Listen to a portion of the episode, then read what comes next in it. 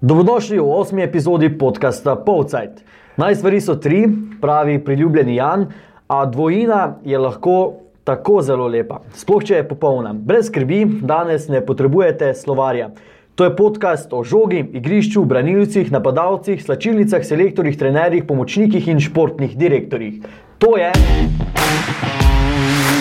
Rezultati 5 proti nič, jaz to uživam, to, to je top, samo to je preveč simpel. Pa mislim, da je to že preko mere uh, zdravega okusa. Ko bomo pozabili, kdo smo in kaj smo, je prvi korak proti propadu Maribora. Maribor je za nas bil Liverpool. Maribor je šampion, danes je veličini dan. To je Povcajt, večerov podcast o nogometu, o mariborskem nogometu. Končno je prišel čas, ko lahko spet zakličeva. Z vami smo Miha Dajčman in Marko Kovačevič. Po avgustovskih potepanjih je večerova ekipa z terena spet v polni postavi. In Miha se je vrnil ravno dovolj zgodaj, da je doživel tole. Uh, veste, da sem jaz jazzer, ne, ampak tole je bil danes čisti rock and roll, ampak na koncu se je dobro izteklo in čestitam fantom. Tako je selektor slovenske nogometne reprezentance Matjaš Kek z eno povedjo najboljše opisal ponedeljko večer v Ljubljani. Šest točk je odnesla Slovenija iz septembrskih tekem v Stožicah, po Poljski premagala še Izrael. Ja, Slovenija ima neverjetno energijo, se ne zdi tako? Eh, Ja, kar naenkrat smo spet dobili nogometno reprezentanco po vseh tegobah, ki so jih prinešale prejšnje kvalifikacije, pa Liga narodov. Eh, Se je tisto, kar se je nekako nakazovalo že v spomladanskem delu, zdaj res na najboljši način eh, kanaliziralo, pojavilo. Um, vsaj za dva večera, mislim, da je cela Slovenija dihala za nogomet, za nogometaše. Uh, ne na zadnje, gledalci so se vrnili v največji stadion v državi in pa uh, šest točk iz dveh tekem, tri zaporedne zmage, če upoštevamo še tisto v Latviji. To je res odličen izkupiček, ki nas postavlja v povsem enakovreden položaj v boju za, za Evropsko prvenstvo. Je pokalo, kaj ti si bil v Stožicah, eh, so pokali ščitniki. Uh, ne, žal, oziroma na srečo, kakorkoli obrnemo, uh, pokali so ščitniki na igrišču, definitivno, ja, seveda. Uh, bolj maj, malo je pa pokalo uh, na tribunih. Uh, V petek še, ker so bili Poljaki zelo glasni. Uh, slovenski navijači pa so tako, ne, se so pritegnili, navijali, spodbujali, ampak tistega konstantnega, uh, recimo nekega ritma pa ni bilo. Ampak ja, uh, se je pa potem na igrišču vse to nadoknadilo. Gledalci so bili ravno dovolj glasni, da so, da so dali nogometašem še tisti dodatni atom energije eh, in res ena izjemna, izjemen boj, eh, izjemno kosanje z eh, reprezentancama, ki sta v bistvu kandidata za vstop na Evropsko prvenstvo, ob seveda slovenski reprezentanci in pa Avstriji. Eh, Marko, bil si v Stožicah, eh, videl si dve različni predstavi slovenske reprezentance. Um, zakaj tako različni predstavi? Ja, v bistvu Poljska je bila favorit ne? in Slovenija je nekako vstopila v to tekmo, tudi kot je rekel selektor, ne? zdaj pač si outsider, nimaš kaj izgubiti. In odigrali so res disciplinirano, borbeno, držali so se načrta, praktično nikjer ni zaškripalo, no, vse kakšna podaja je bila na robe, to zdaj se ne moremo slepiti in to je povsem razumljivo, ampak so fanti res popravili z eno izjemno željo, z eno izjemno, ne na zadnje, fizično pripravljenost, kondicijo in pa taktično disciplino, ne, ki jo tako zelo radi omenjajo trenerji, uh, so pač vse napake popravili in res vse od prve do zadnje minute držali nekega načrta. Mislim, podatek uh, o enem polskem strelu na gol Slovenije je, je dovolj zgovoren. Uh, potem pa se nekako to obrne, ne, pač premagaš vodilno ekipo v skupini. In potem ne moreš več reči, da si outsider. Ne? Sploh če doma, igraš doma proti reprezentanci, ki je s tabo izenačena na lestvici. Ne? In tukaj je že bil ta pritisk zmage, uh, se pravi, naenkrat so se apetiti povečali, uh, odprla so se vrata na veliko tekmovanje, prvo po desetletju. Ne? Zavedali so se naši nogometaši te izjemne priložnosti in hkrati pa tudi. Kot je potem kasneje ugotovil uh, selektor, uh, da so se mogoče malce preveč bali napak. Ne? In napak je bilo neprimerno več. Uh, tudi ne je rekel, da uh, sam zaključek je prinesel srečo naši reprezentanci, uh, mu povzročil kar precej glavobola in pa vzel deset let življenja. Tako da je Matjaš Kek v ponedeljek na mesto 58. rojstnega dneva praznoval kar 68. Zdaj, ko si videl ta preobrat Izraelcev, kaj si si mislil? Si mislil, da bo to zopet um, neka zgodba, mogoče kakšne iz zadnje katančeve ere, da, da se bo tekma končala tako? Ali, Kako je bilo vzdušje na stadionu, se je verjelo v, v preobrat. Glede na to, da je napad, napadalno so igrali obojni, ne? Izraelci se niso postavili v obrambo, kot bi verjetno pričakoval, Ja, ekipo, in- ki potrebuje točke. In zaradi tega je selektor eh, Izraela Andreas Herzog kar precej norev potem po tekmi, oziroma že med tekmo.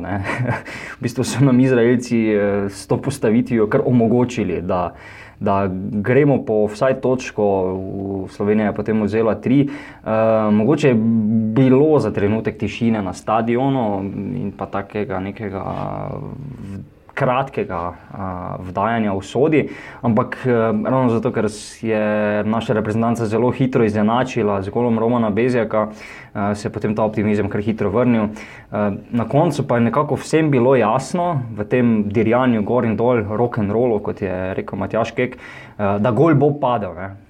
Vprašanje je bilo samo na kateri strani. Slovenija je imela res nekaj lepih priložnosti, izraelski vratar je nekajkrat odlično posredoval, ne vem, Šporareve, Škarice, Bezjakova priložnost. Niti se dobro ne spomnim več, ker je bilo teh priložnosti res veliko.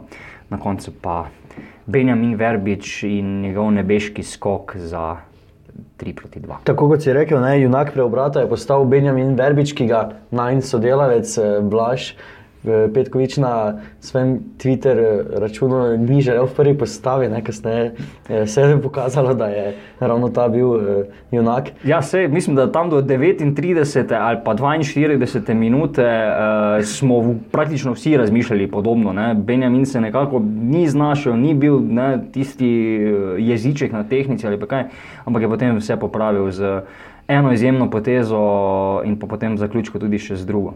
In kaj je povedal po veliki zmagi, izveste v naslednjih minutah. Vem, če mogoče gremo v zadnjo minuto rednega dela tekme, Kurtičeva podaja, pa vaš skok zdelo se. Mis, če bi stožice imeli streho, da bi se mogoče dotaknili strehe, tako bi zopet skočili kot tajne. Ja, ko je Kurta podal, sem videl, da gre žoga proti meni. Odrinil sem se vso silo, kot je bilo v meni moči še in na srečo me je zadev direkt v čelo in uh, ni bilo težko zadeti. Ravno to ste rekli, koliko je še bilo moči v vas. Ne, selektor je nekako videl, da, da vam že pojenjajo moči proti koncu drugega polčasa. Kako ste se pa vi počutili na igrišču? Vedno sem poznal, da, da ste vendarle ste imeli poškodbo.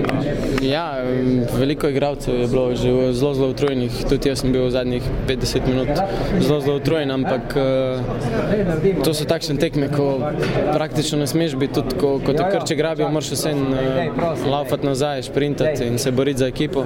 In eh, to te bo na koncu nagradilo in tudi hvala Bogu, da nas je. Uh, pač junaški gol na koncu tekme, ampak vendarle tudi tisti prvi ni bil kar tako dolg. Uh, spet nisem podajal Josipa Iličiča, dobro ste se tam tresli, dobro zaključili. Ja, m, a, jo je rekel pred tekmo, da, da moramo veliko laufati v globino, da on bo tisti, ki bo med linijami iskal te, te podaje. In, uh, vedeli smo, da če smo prav čas odkrili, da njegove podaje so res natančne. In, uh, potem ena na ena odločil sem se za lop in uspel.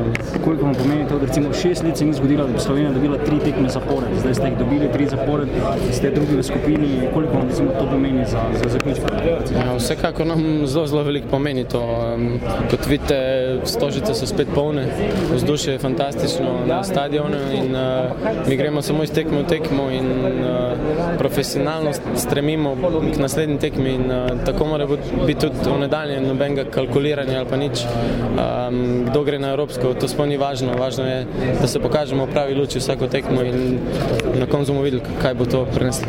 Če je tista himna slovenske reprezentance, čas je, da povemo, kdo smo mi, je zdaj septembra Slovenija povedala, kdo je. Vsekakor, no, premagali smo dve zelo kakovostne reprezentance, ampak še enkrat ponavljam, mi smo sicer drugi v skupini, ampak to, to še nič ne pomeni. Uh, važno je, da bomo novembra po tisti polski, eh, po, po tekmi s Polsko na, na eh, mesti, ki vodijo na Evropsko prvenstvo. Vsaka reprezentančna akcija je nekoga dala, je ugotovil selektor Matjaš Kek. Po Denisu Popoviču in Juretu Balkovcu je znova odkril Romana Bezjaka. Korošec je opravil ogromno dela v obrambi, nevaren je bil tudi v napadu. Strelec gola za 2 proti 2 je v mešani coni stopil tudi pred večerov mikrofon. Roman, kako ste se recimo poznali danes na koncu, vsi ti kilometri, ki ste jih pretekli, ne samo danes, ampak tudi že v petek proti Poljski, ker teh sprintov je bilo res ogromno enega garanja, enega dela. Kako ste se recimo počutili na kako ste lušili z mano? Ja, publika ti da neke dodatne energije in uh, tudi igravci med sabo, ko vidiš, da popraviš napako od koga ali pa on od tebe, te to dvigne in uh, sigurno kot ekipa smo si glede tega tudi zelo pomagali. Kako vam je bilo, ko ste nadaljavo spremljali reprezentanco spomladi, pa zdaj pa zraven, pa kar naenkrat ena izmed pomembnejših členov te recimo septembrske pravljice, če smem tako reči? Ne bom rekel, da je bilo lahko, ker ni bilo, ne, ker bi lagal, če bi rekel, da je bilo vse ok. S težkim srcem je bilo to spremljati, ampak v nogometu moraš biti pripravljen v vsakem momentu na vse in če z veseljem priješ na reprezentančni zbor, potem garaž se ne ustaviš. Jaz sem to vedno dokazal, tudi ko v klubu nisem igral po sedem mesecev. Pa sem prišel odigrati tekmo z Anglijo in Škotsko, v bistvu brez tekme v klubu sem zelo, zelo garal, da sem lahko te dve tekmi odigral. Slovenija je zdaj ujela tretjo zaporedno zmago, je na drugem mestu v skupini in že dolgo, dolgo podoba slovenske reprezentance ni bila tako dobra. Je to že dovolj ali vendarle še? Ne, sploh ne, to je v bistvu zdaj začetek in te štiri tekme bo zdaj vsaka bo ključna, vsaka bo najbolj pomembna. Naslednji mesec dve zelo pomembni, ki bo ta že dale neke odgovore, tako da moramo biti sam pametni, držati za to letvico, ko smo si jo postavili in še izboljšati tiste napake, ki, jih, ki smo jih delali na teh tekmah. Dvakrat strelec Verbič, enkrat strelec Bežja, kolegi iz celja pravijo, da je kot v zlatih časih na areni Petrol to izgledalo danes.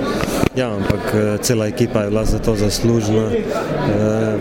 Ne bi izpostavila, ja, pač je naneslo tako, da smo dva, ki smo igrali v celskem klubu, ampak najbolj pomembno je, da smo izgarali vsi od prve do zadnje minute, delali napake, vse, ampak smo se dopolnjevali in pokazali en velik karakter, da smo to preobrnili. Popolnega septembra ne bi bilo brez zmage proti Poljski. Slovenija je v petek povsem onemogočila Roberta Levandovskega in kolege, Aljaš Struna in Andraš Šporar sta poskrbela, da je vodilna ekipa skupine G doživela prvi poraz v kvalifikacijah. Jan Oblak pa je kar s kapetanskim trakom preživel brez prejetega gola.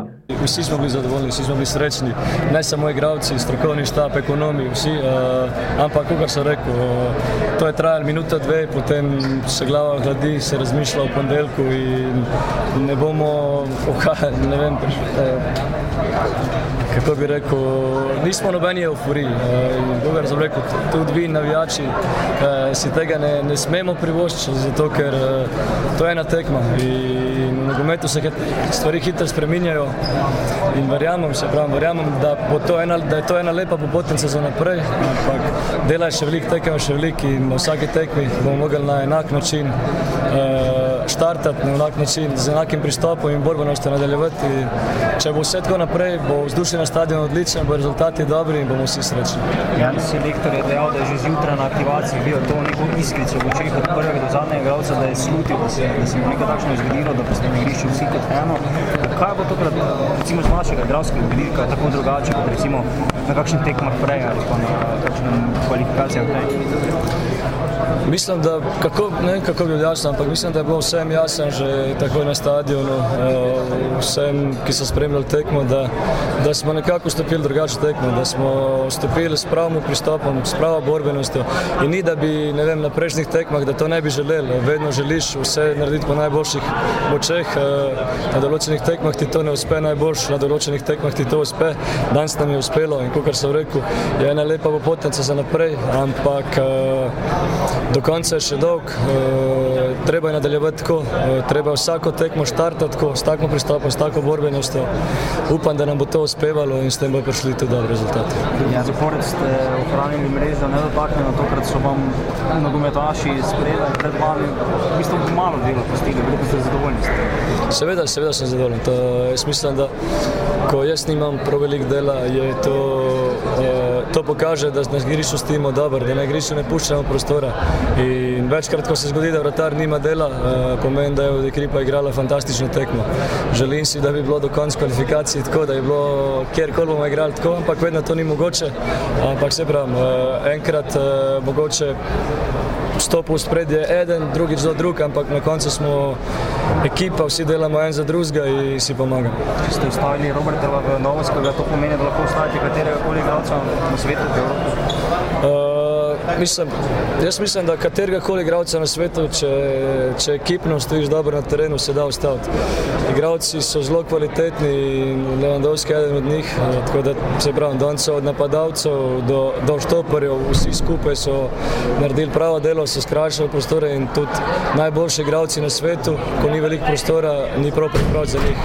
Ne le kapetan, tudi selektor je v petek opozarjal, da se nogometaši ne smejo prepustiti euforiji. Ko premagaš vodilnega v skupini, je to v danem momentu, v katerem smo bili, en, lahko en eh, velik plus, en velik zagon. Če pa si bo dala, pa lahko to tudi uh, spelje na napačno razmišljanje. Ja, in tri dni kasneje so njegovi varmanci pokazali, da niso bodale. Ja, Slovenija je zdaj na drugem mestu, ne? um, so pa ekipe na lestvici zelo blizu. Ne? Je to drugo mesto malo varljivo, predvsem za navijače?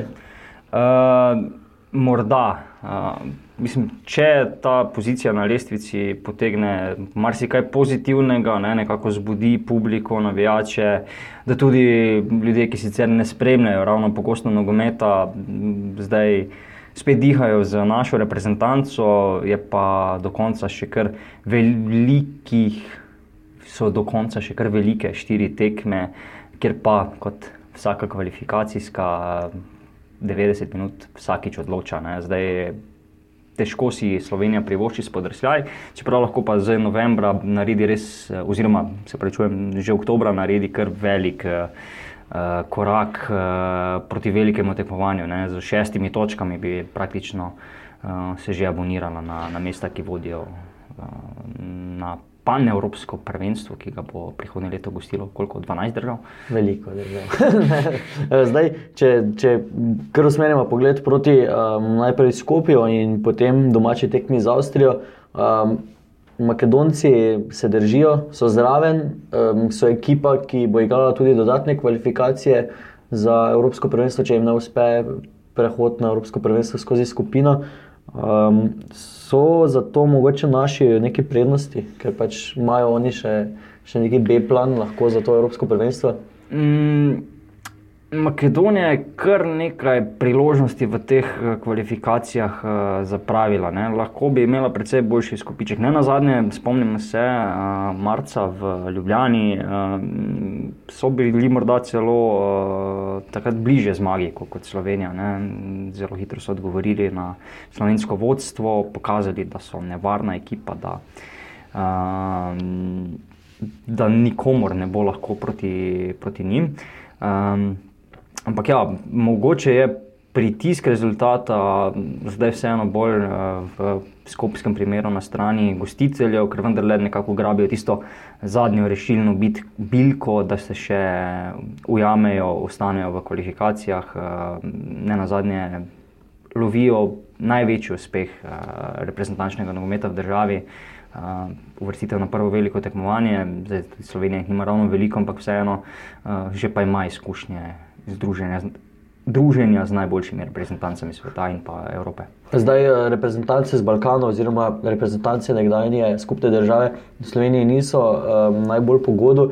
Enako je tudi za Avstrijci, um, ki so nas kar deklasirali na, na nekih uh, obračunih. E, ja, ampak dej, če e, vzamemo iz tvojega voda, naj stvari so tri. Zdaj v dobrem letu in pol nas je Avstrija dvakrat kar pošteno pojedla, tako da upajmo, ne, tretji gre rado.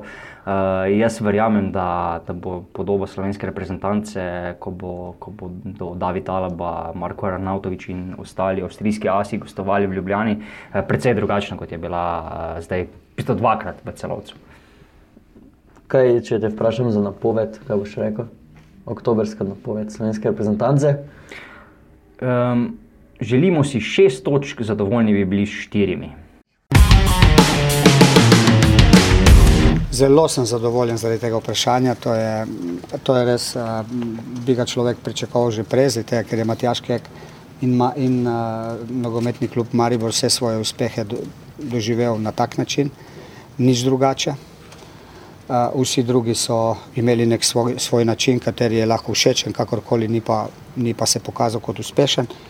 In uh, mi smo mnenja, da je to uh, glede na naše razmere, uh, edina prava pot in smo zadovoljni, da ko uh, jasno je, da reprezentanca uh, zna to pokazati, ker je pač reprezentanca na boljši način, na malo boljši način, vendar mi se trudimo, da bi, uh, da bi ta, uh, to, ne da bi bila kopija, zdaj ne vem, kdo, čiga kopija, kdo traja dlje časa, ta način je pravi, ta način je dejansko pravi, ta način ne pomeni, da je bilo kaj zadržan, da nočeš napadati, da nočeš zabijati gole, ampak enostavno, da da delaš v obrambi in da, in da delaš tudi v napadu.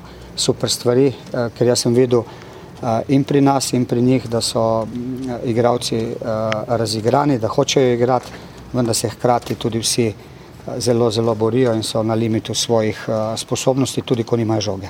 Tako je Darko Milanič opisal podobnosti med igro slovenske reprezentance in nogometnega kluba Maribor. V ljudskem vrtu so reprezentančni primori izkoristili za celjenje ran po napornem poletju. Prestopni rok se je zaključil z pričakovanim odhodom Saša Jukoviča in pa tudi z nekako pričakovanim prihodom Nemanje Mitroviča. Čeprav niso pripeljali več novincev, pa so se vijoličasti ukrepili. Uh, še ena novica je, katero bi vam rad prenesel, je ta, da ker je ta prestopni rok, rok končan in uh, so se pač vrata v, v, za kakšen odhod uh, zaprla in ta poskus Derviševiča in Bajdeta, da bi zamenjala sredino, se jima ni posrečil. Uh, tako da sta od uh, tega tedna, uh, ko bi rekel, uh, spet tu zraven, da se na njih računa, uh, da se bosta pač na vso moč skušala izboriti za, za postavo. Zanimivo, Derviševič in Bajde sta nazaj v kombinacijah. Kaj, kaj to dejansko pomeni? Če vzamemo interpretacijo trenerja Darka Milaniča, da, bosta, da sta spet nekako enakovredna kandidata, da si izborita mesto v enajsterici. Ne? Ampak kot je rekel, sta še kar daleč od tega, da bi zdaj vem, naenkrat postala nosilca igre, vlekla voz. Recimo, zanimivo je, ko je govoril o Amirju Derviševiču, da ko je v uh, tisti odlični formi, fizični, psihični, je absolutno človek, ki lahko pomaga moštvu, ampak da mu do te odličnosti še kar nekaj manjka. Ne, ne smemo pozabiti, bila sta v bistvu tri mesece izven pogona. Uh, na zadnje niso jo vozili v karantene pred evropskimi tekmami, niso jo vozili na gostovanje. Tako da kar nekaj nogometa sta nogometaša izgubila v tem poletju. Tako da zdaj verjetno bi bilo kar veliko presenečenje, če bi se v soboto, ko bo v Ljudskem vrtu gostoval Alumini, kateri od njiju ja, že pojavil v eh, enajsterici ali pa recimo dobil kakšno minuto potem ob koncu srečanja. Um, ampak o, očitno sta bila na, na tržišču, um, zakaj ni prišlo do nekih prestopov. Če bi bil ti športni direktor, kaj bi mislil? Uh, ja, težko prodaš nekoga, ki ne igra. Ne? veš, če bi ti jaz skušal prodati avto, ne? pa ga ti nikoli ne bi videl, kako se pelje, verjetno ne bi ravno milijonov ponujal za. Za Verjetno je motivacija teh dveh nogometašev načeta ne, po izgubljenih teh mesecih in pomembnih tekmah, ali misliš, da je to lahko dodatna motivacija za nekoga, ki se hoče vključiti v ekipo, ki je pa vmes doživela kar nekaj prihodov ali pa nekih novih um, zmag, mogoče malo manjših, ki sicer niso vodile v kaj večjega. Uh -huh. um, pa morda imata srečo v nesreči, da sta oba takšne situacije že doživela. Uh, ne pozamemo, Gregor Bajdej je tudi že bil pred časom povsem izven kombinacij uh, pri Darku Milaniču. Spomnimo se, da so ga koliko je to, dve, tri leta nazaj, eh, poslali na posojo v Italijo, pa je potem, ko je prišel nazaj, počasi prilezel do prve enajsterice, dobil uh, novo pogodbo, nekako navdušil tudi trenerja, sploh v tistem obdobju, ko, ko se je lovila. Uh, takrat tretja liga prvakov za, za moštvo izpod Kalvarije, Amer Deriviševič je pa tako en, sam spomnim padec od karijere, nihanja so nekako že kar normalna pri njemu. Ne. Um, nekajkrat sem jih videl tako lepo tekmo, ko smo, ko smo hodili na tiskovne konference na drugo stran stadiona in so ti nogometaši, ki so pač sedeli na tribune, odhajali in nista bila najbolj eh, vedrih obrazov. Ne. Kakšna šala je sicer padla, ampak uh, se je pa videlo, da absolutno nista zadovoljna z statusom, ki ga imata v moštvu. Zdaj, če sta Amir Drviševič in Gregor Bajde res v krepitvi Maribora, bomo videli uh, v kratkem, že v soboto, pa v ljudski vrt prihaja vodilni aluminij. Ja, Zdaj ti je kar težka tekma. Absolutno, mogoče prvič, eh, ampak tako zanimiva situacija. Bi ti rekel, da je vodilna ekipa prvenstva favorit na tekmi? Ponavadi bi rekel, ne, seveda. Kaj pa zdaj?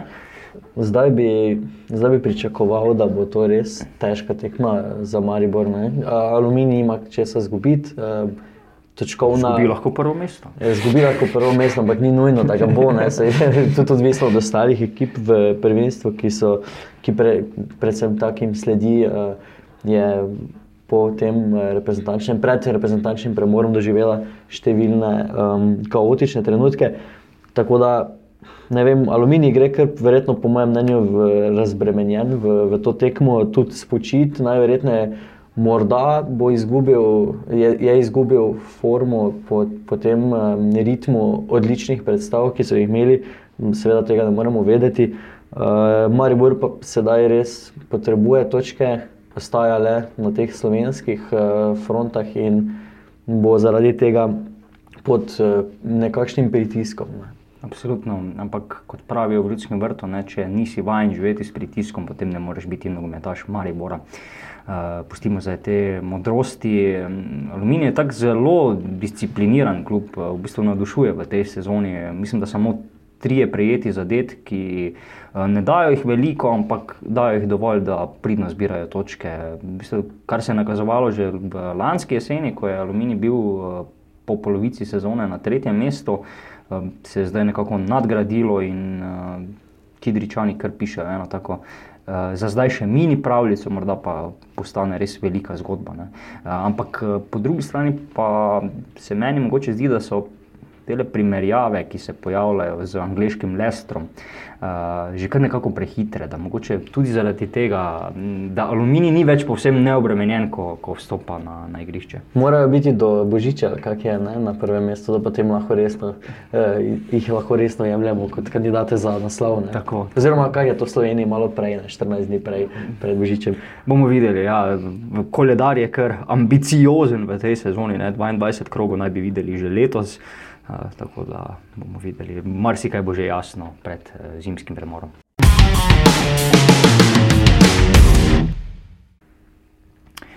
Z Miho se je vrnil tudi vaš najljubši kotiček, kolega, beseda je tvoja. Torej, pozdravljeni, Aljaš Breznik, prvi strelec druge lige Medobčinske nogometne zveze Maribor v prejšnji sezoni. Uh, prejeli ste nagrado pred dnevi. Um, Kako je bilo dobiti ta pokal poseben za prvega streljca? Ja, občutki so, občutki so dobri, predvsem za prvega streljca, ker, ker, ker se zavedaš, pač, da si dal nekaj ekipi, da, da je pripomoglo k naslovu prvaka druge lige. Zdaj, umenili ste, osvojili ste naslov, se plasirali v, v prvo ligo Medovčinske nogometne zveze.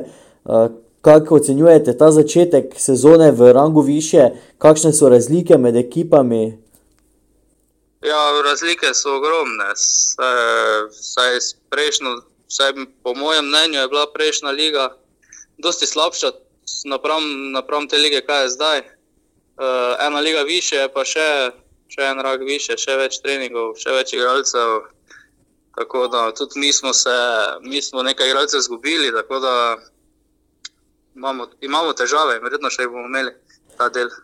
Um, lani ste dosegli 21 zadetkov v 23 krogih, ste, ste običajno tisti nogometaš v ekipi, ki je med boljšimi uh, v realizaciji. Ja, glede na to, da sem napadalec, je to, je to moj, kako bi te rekel, poklic, moja, moja, moj način uh, igranja. Je res, da, da je bilo 21 golov, ampak mislim, da je bilo, bilo še več, glede na to, da sem bil kar nekaj poškodovan, pa še v malo slabši formi. Zdaj um, ste nogometne izkušnje nabirali že tudi kje prej, pred Slivnico, kjer igrate sedaj? V sami začetki so bili v Slivnici, vmes sem bil v prvi mladinski ligi v Jarenini, potem pa nazaj spet v Slivnico. Zdaj, kaj vam, kaj vam pomeni to igranje uh, v, v teh medobčinskih ligah? To gre v bistvu malo za hobi, malo za res. Uh, je to bolj druženje, koliko v bistvu vi eh, časa in resnosti vlagate vse skupaj? Ja, v prvi vrsti je druženje, sprostitev, druženje s prijatelji. To je, to je v mojem uh, okviru prvotnega pomena. Uh, kot drugo, pa te mogoče prepoznavnost samega kraja, pa vključevanje kraja v neko, neki širši okoliš. Um, zdaj, uh, začeli ste sezono, ste rekli, ma, malo, malo bolj slabo, uh, oziroma slabše kot lani. Uh, kakšne imate cilje, zdaj do konca vsaj tega jesenskega dela? Uh, cilji so vsako tekmo čim več, čim več točk. Realni cilj pa je verjetno dobiti čim več točk na domačem, na domačem igrišču, pa se v dobri luči predstaviti na tujih tleh. Nekako cilj, cilj sezone pa je zagotovo obstanek, ne, to je prvotnega pomena. Ok, hvala, Aljaš. E, obilo zadetkov vam želimo, e, pa čim manj poškodb in da bi se na igriščih Medobčinske nogometne zveze Maribor e, čim bolj zabavali. Ja, najlepša hvala. Dialogi so boljši kot monologi, jih je pa bilo za osmo epizodo Pavceta dovolj. Naslednji bo spet v spredju klubski nogomet. Slišimo se čez dva tedna, ko bo že jasno, kako se je na bolj umirjen ritem tekem navadil Maribor in kdo so četrt finalisti pokala Slovenije. Do takrat nas najdete v poštnih nabiralnikih, pri prodajalcih časopisov, na spletni strani večer.com/šport, Twitterju, Facebooku, Instagramu.